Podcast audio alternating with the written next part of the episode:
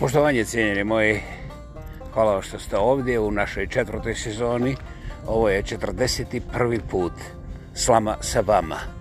Govori sam o proglašeni lingvistički aktivista, monumentalno autentični. Ja pa ja, a ko bi drugi? Vladimir Krećan sa legendarnih i prelipih stinovitih planina. Ovih dana ja sam na nekim društvenim mrežama lansirao ukliznik ovaj, ili ukaznik, to ćemo odlučiti kasnije, prema da ćemo možda, je, ne, ko zna, lijevo desno, uh, mojega najnovijeg romana, jeste, jeste, čuli ste, nisam imao ormar, pa sam onda započeo roman, jer, znate, čuo sam da u pravljenju ormara postoje određeni zahtjevi uh, koji se krše sa mojim vjerskim uvjerenjima. Ono, znaš, radi posao od kojeg nikad ne može da bi žulj. To je jedno od moje, to je ta moja vjera koju ja nikad ne bi ovaj, nikad se ne bi se prosto ne, ne, ne do Bog. Jer kad imaš posao kod koga se razvija žulj, hoćeš, nećeš, osnovit ćeš se. A to smrdi. U mojoj vjeri ništa ne smrdi. Dakle, nema žuljeva, jer ne želim da u mojoj vjeri išta smrdi. Kao što vidite, sve je na svom mjestu. I znači taj orman je otpao jer navodno upravljanje ormara ovaj, možete dobiti više žuljeva, ne samo jedan, a u znojenju, da, bože moj, to ne trebam da prevodim na čirilicu, jel? Drugim riječima, taj prvi članak je otišao na javne mreže i ono što je meni zanimljivo a, pitate kako se zovede ma ne zovede se, ja ću vam to odmah reći kako sam ga naslovio ovaj okusi i opusi psihijatrijske bajke da, dobro ste čuli, psihijatrijske bajke pa do sad su sve bajke provučene i naučene i natučene na nas pa sad vrijeme da izbacim jednu psihijatrisku, ovaj, mislim bajku, jeli, ništa drugo. I ovaj, uživo sam, uživo sam i odmah sam sutradan mislio nastaviti, međutim, ovaj, izvjesne okolnosti, bla bla, što ne smijem reći, jebeš ga Rusi i Kinezi, slušaj, ne mogu ja baš sve da odam, onda, onda demokracija nam ode na, na ove ovaj, tanke grane. Ovaj, nastavit ćemo dalje, međutim, ja ću u ovome podcastu postulirati psihijatrijske bajke. Naime, meni je strašno drago što sam došao do psihijatrijskih bajki. Ovaj, čini mi se da sam ih cijelog života, ako ne živio, ono, pokušavao živjeti. Međutim, a dobro, međutizin, moram genetski ispravno govoriti, Šta kažeš? Geografski? A, gramatički? Dobro, i to. Međutim, si n. Dešava se svašta normalno, mučkanje su ogromno na ovoj planeti, jeli vidite i sami. I ovaj, meni se sviđa ovaj Euklid teleskop koji, uff, pravi slike čovječe lijevo i desno po ovome univerzumu. Ovaj, sad su otkrili da nam univerzum nije 30,5 milijarde godina star, nego preko 27, ali to je tek početak priče jer sad su zavirili iza leđa univerzumu, znaš, iza one singularity point, koje je kao podrazumiva se, ono, učenjakovi su se sa znanstvenicima dogovorili da to bude tute, dok ne nađu neke dokaze za nešto drugo, ali izgleda da imaju te dokaze, ali neće da govoru, jer drže nas uzbuđene, pa ćemo mi onda svi vikati, ura, živio Tito kada otkrijemo da je univerzum još koju milijardu godina stariji, što je strašno važno, pogotovo za cijenu hrane i goriva, to znamo. U psihijatrinskim bajkama nema Hans Christian Andersena ni blizu. Čuo sam, što je neprovjereno, a tako lijeno mi je koristiti taj mugle google. Kažu da je taj gospodin Murtov, ono da je crko definitivno, da ne piše ništa. Ali on imao bajke koje, kažu, nisu bile psihijatriske. Vrlo često se danas epiciraju i citiraju, citiraju okolo. I ljudi su presretni što je taj Hans Christian Andersen zapisivo te svoje bajke koje su kao baš onako bajkovite. Ovom zgodom ja kažem gospodinu koji je, eto, baš sam saznao, ne? Da, dobro, čuo sam. Ovi su mi došapnuli iz ove regije. Dobro ste čuli, nema mi reži, ja se šetam u parku. Znači, to je taj region parka ovo tamo preko puta je urbani dio gdje ne mogu govoriti čak ni ovako, ni onako, nego mora biti znaš, fin, demokratski. Jer ljudi večeraju i ne žele da čuju neki stranjski jezik, znaš. Mislim, ovaj, uglavnom ja sam zahvalan tome. Postoje neke druge bajke, recimo, u mome selu, mi smo slušali šta priča baka, ovaj prije pajkenja, i prije nego što sam ja otišao u školu i bilo šta saznao, za mene je bajka bila baka priča prije pajkenja, bajka. Bajka, baka, baka pajkenja. Završeno. I to je meni uvijek ležalo fantastično i Bože moj, čak i danas, 50. neku godinu nakon što je baka, jeli, otišla onome gore na ispovjed. Meni i dalje to drago. Međutim, puklo me to sa psihijatriskim bajkama. I onda ću ovako kratko, bez definicije, molit ću lijepo. Zamijetio sam da ovi ljudi koji se kreću okolo slobodno, bez ove košulje sa samo jednim rukavom, znači neinstitucionalizirani, da su oni svi demokrate do Balčaka, ono, ne pitaš ih ništa, on samo je demokrata, mislim. I sad, recimo, mene zanima da li je piva ledena, ovaj, on, on je demokrat i širi tu demokraciju okolo po svijetu. Ja, na primjer, gledam u džep da vidim hoću li imati da kupim šta god za roštilj, znaš, jer nisam, ako ima sad, otkad su počeli ovi, ovi demokratski ratovi, to sve skupo, znaš, košta, jer vojnici se, kad se puca puno u seru, znaš, i onda treba im desetak puta više kus papira, zato ga mi nemamo i onda to sve poskupi, znate. E, ovaj, otkad su počele te širenje demokracije, ovi malo, jeli, širi veći ratovi, odjednom, ne možeš da gledaš ima li bajka, nema li bajka, nego ono, da li će se desiti barbekiju? Jedan puta, a ne do bog, i dva puta. Još uvijek nije godišnje, ali polako stićemo i na to. I ovaj, ja ne znam kako vi, niti istražujem, međutim, čovječe, nekada je barbekiju bio, a to nekada nije bilo prije 150 godina, čas na pionijska riječa. A, nekada je barbeque bio pitanje, hej, hoćemo li? Ono, niko nije gledao u džep. Jer kad sam ja sa studija došao ovdje, ja sam se ugojio ko krmač. Dobio sam jednu pola tone u pola mjeseca žive vage, jer u Beču nisam smio kad prođem pored Julija sa Mainovo tamo u prvom bi cirku. Ma, izviš maleni, maleni, moraš imati mikroskop da ga gledaš. A kad pogledaš brojku koliko košta, pola kila govedine. Čovječe, oporavljaš se još dvije, tri sezone. I ovaj, onda kad sam došao ovdje na daleki divlji zapad, pa kad sam ušao i vidio maldere krdo goveda tamo kod hladnjaka koji je veći od aerodroma. I onda cijena. jo, radosove to, to, to nije bajka, to je sigurno halucinacija.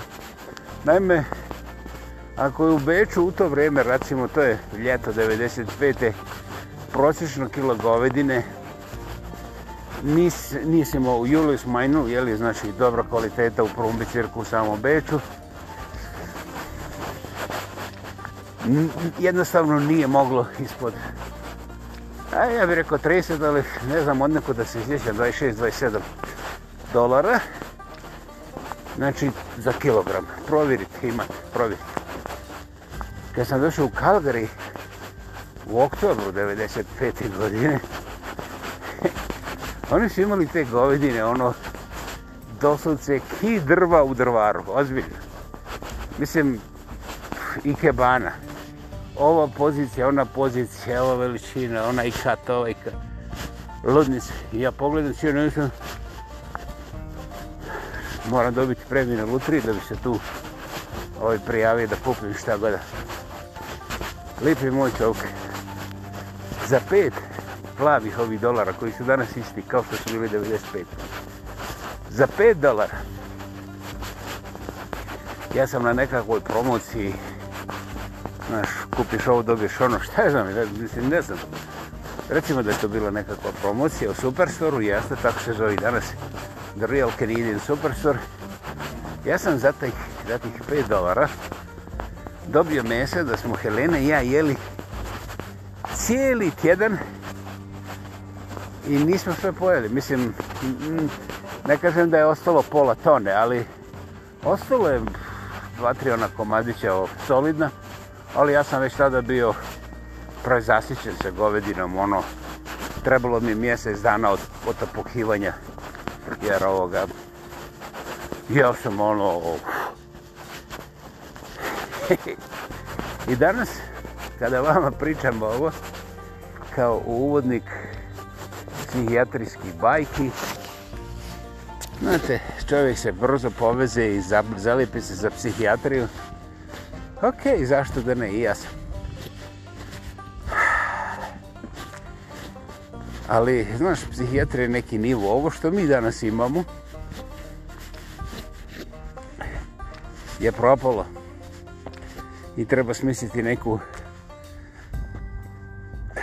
podmorničarsku psihijatriju, tako duboko je propalo.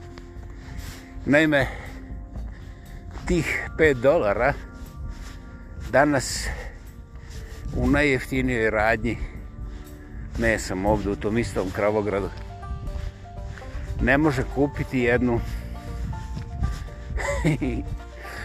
doslovice pljeskovicu koja je od onih otpadaka sa mljevnog mesa, jeli, nekako skrehana. Znači, tih 5 dolara danas ne može kupiti jednu malu šugavu pljeskovicu od koje se odrastao čovjek neće najesti garant. To bez imalo sumnje i vi vjerujete i znate.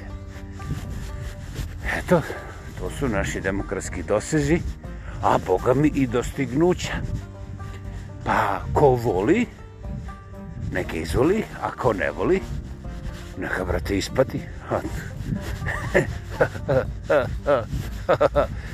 ovaj, nisam ja Đorđe Bajedera pa da vam otvaram nove frontove, znate. E, ono što je zanimljivo, ja sam promatrao okolo. Ne zbog toga što mi se promatrao, znate. Stari čovjek, niko te ne hembe. Čak ni kad ostaneš skinut bez gaća. Nema, nema, nema ništa. Nemaš para, nemaš godina, nemaš ničega, završeno. Bogu hvala, nema ni bolesti. tu sam, tu sam, uf, tu sam tako sretan i poletan i ovaj odmah ja na koljene i zahvalim se ovome svevišnjem. Međutim, niko te ne šljivi i onda kad prolaziš niko ni ne primiti, niti da si došao, niti da si otišao, a još manje da si eventualno čak i bio tu. Dakle, ako te nekad neko i primijeti, oni ne misle ništa. Oni su apsolutno sigurni da može biti da si nešto čuo, sigurno nisi razumio, a ako si razumio, onda ne znaš čemu to služi. Dakle, za čepi stari. Odjebi u kratkim zavisovima, možeš malo veći, malo pazi za te herce. Ne skolpoj, ćao bo, završen. Ovaj, ja se ne sjećam da je meni takav snošaj, eh, odnošaj, aha, odnos javnosti prema starkeljama bio ovaj problem.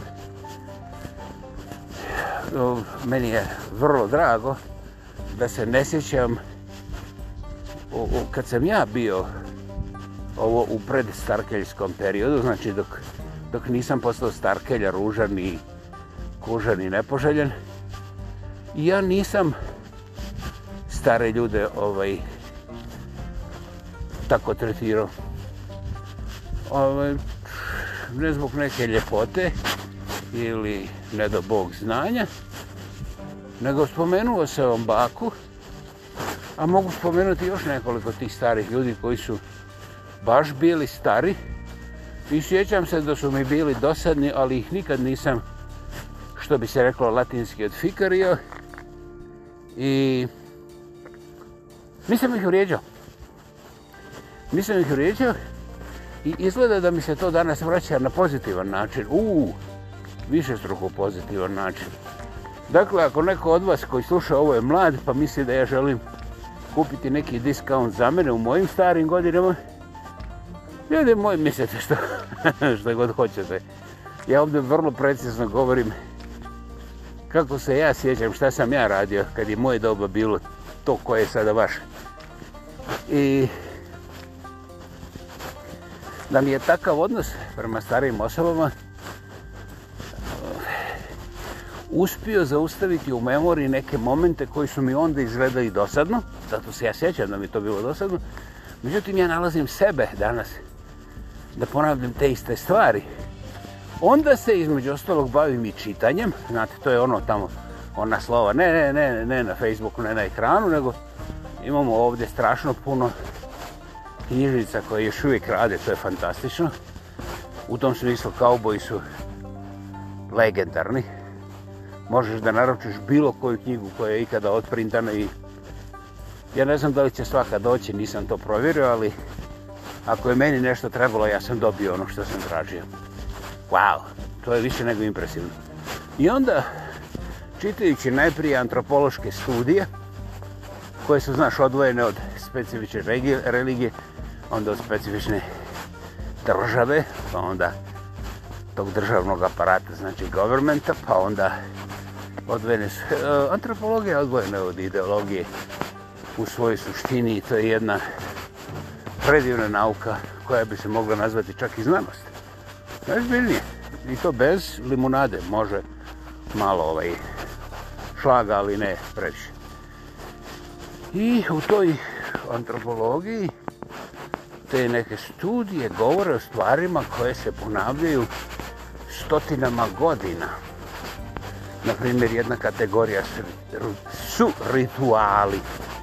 Rituali koji su stariji preko 500 godina, znači u kontinuitetu i endemski su, znači prisutni su u jednom području bez izmjene 500 ili više godina. Ti rituali su se ispostavili po mome skromnom primjećivanju kao wow, divine, božanski. Šta to znači?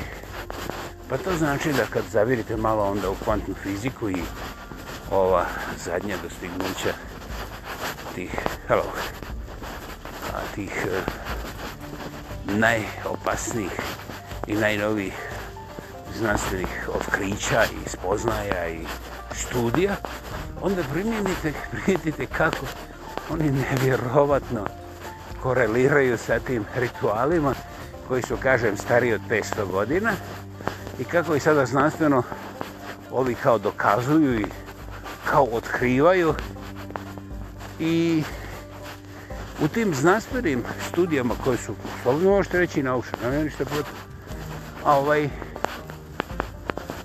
ja nisam našao nigdje tu korelaciju da ovaj kaže, na primjer, recimo,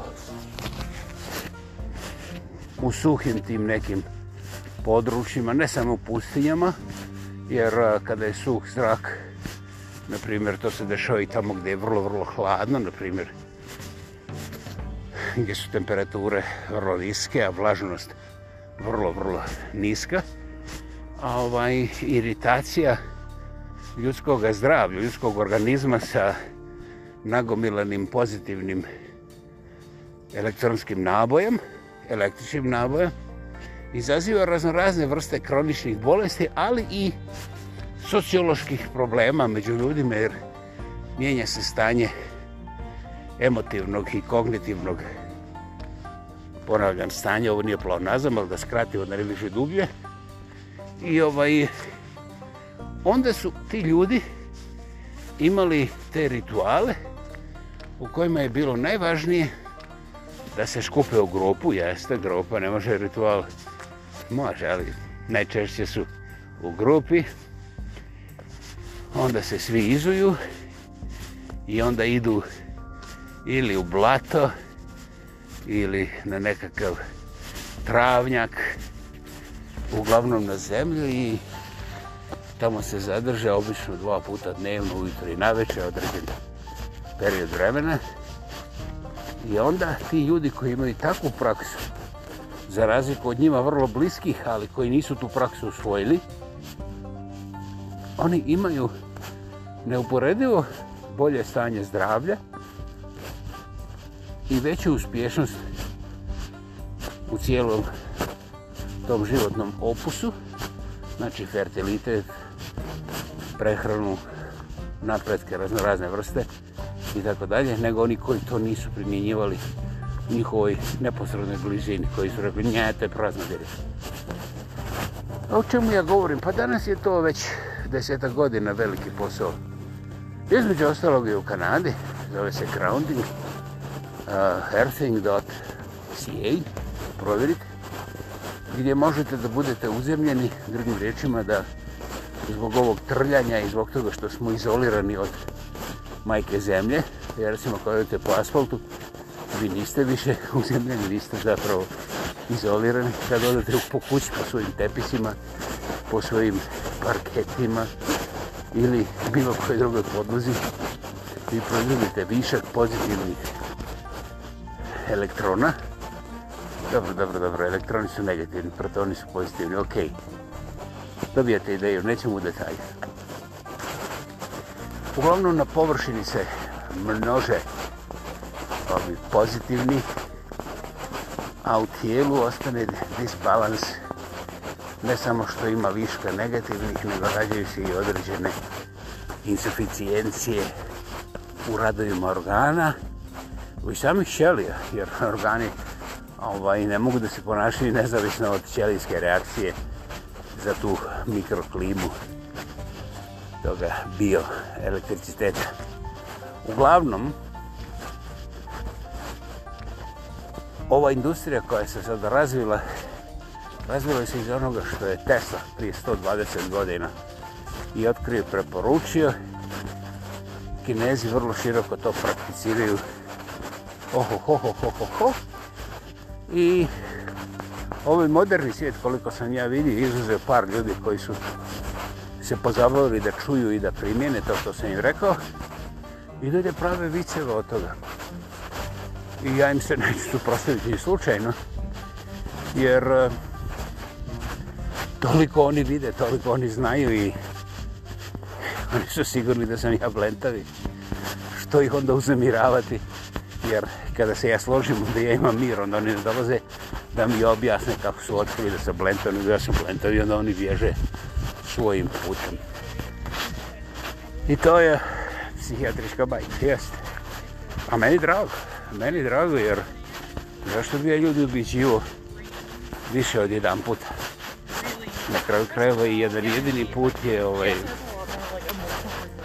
Eh, ne baš promišljeno jer, znaš, danas ljudi sve znaju i sad ćeš ti njima nešto objasniti. Ko si ti da objašnjavaš? I ti onda kažu, pa ja sam Albert Einstein. I on kaže, uh, ali on ne zna engleski jezik. A, ovo kaže, ja znam, moj Google kaže da je on mrtav već 65 godina. I završeno. Ne možeš, čak i tako ne možeš. Jedino, kad postaneš predsjednik države, onda se baciš u borbu za širenje demokracije i sloboda. To mi ne pada na bolest a na pamet nisam učen. Dakle, neće biti. A ovaj, meni je drago ako zapamtite da rituali koji su stariji od 500 godine za koje se i ja veći dio sam smatrao ih praznovjerem se ispostavljaju kao vrlo, vrlo moćne spoznaje o prirodi i dinamici ne samo života nego svega kretanja u prirodi, u nama, oko nas. Ovaj, I to na kraju konstituira jednu pristojnu životnu radost. Čak i kada izbrođu starke ili vrunda, bla, bla. Super, dječe, samo napred, vaše vrijeme. Kakite, kakite. I onda jednog dana, kad se prođete sami u parku, ako bude uopće moguće u vaše vrijeme biti samo u bilo kakvom parku, jer ovaj, koliko mi se čini,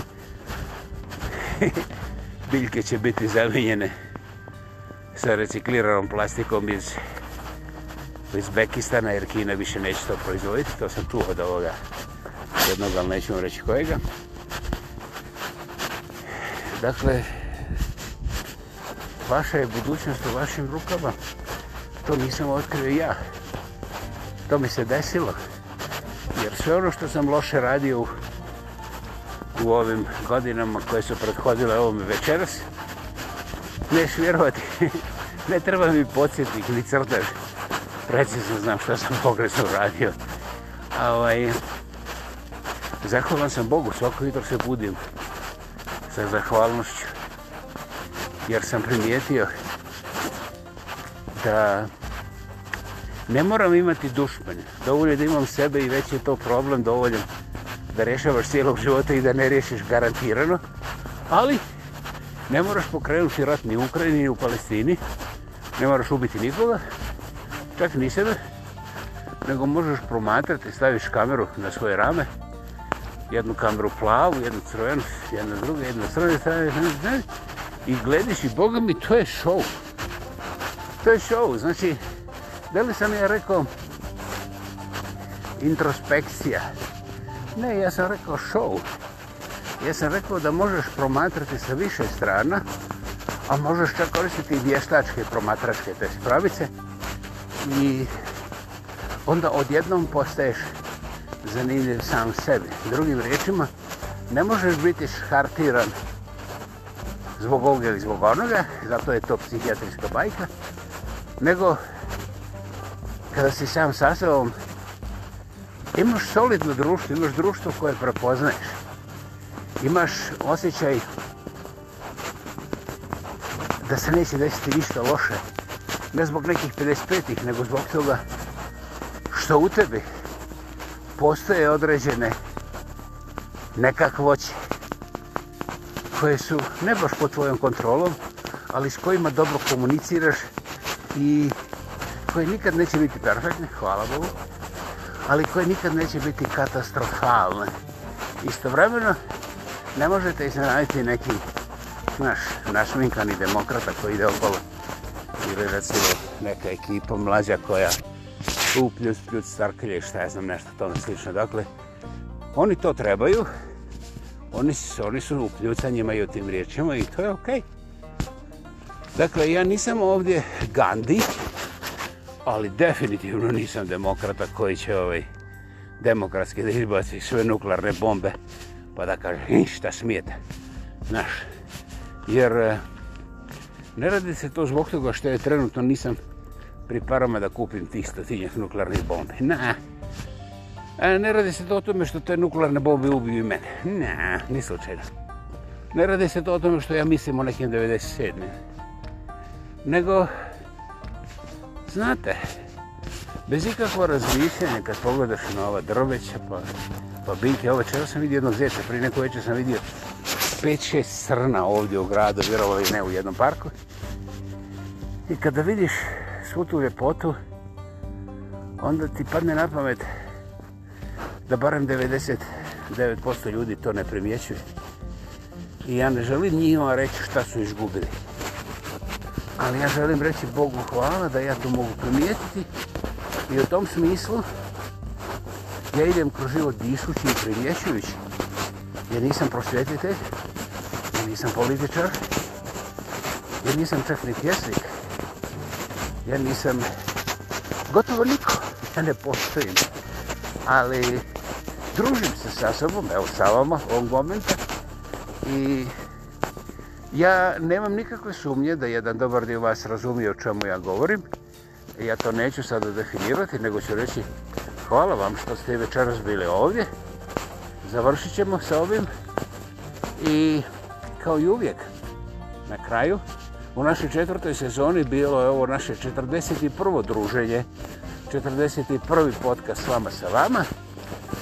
Govorio je samoproglašeni lingvistički aktivista, monumentalno autentični, ja pa ja, ako bi drugi. Vladimir kreća sa legendarnih i prelitih stinovitih planina.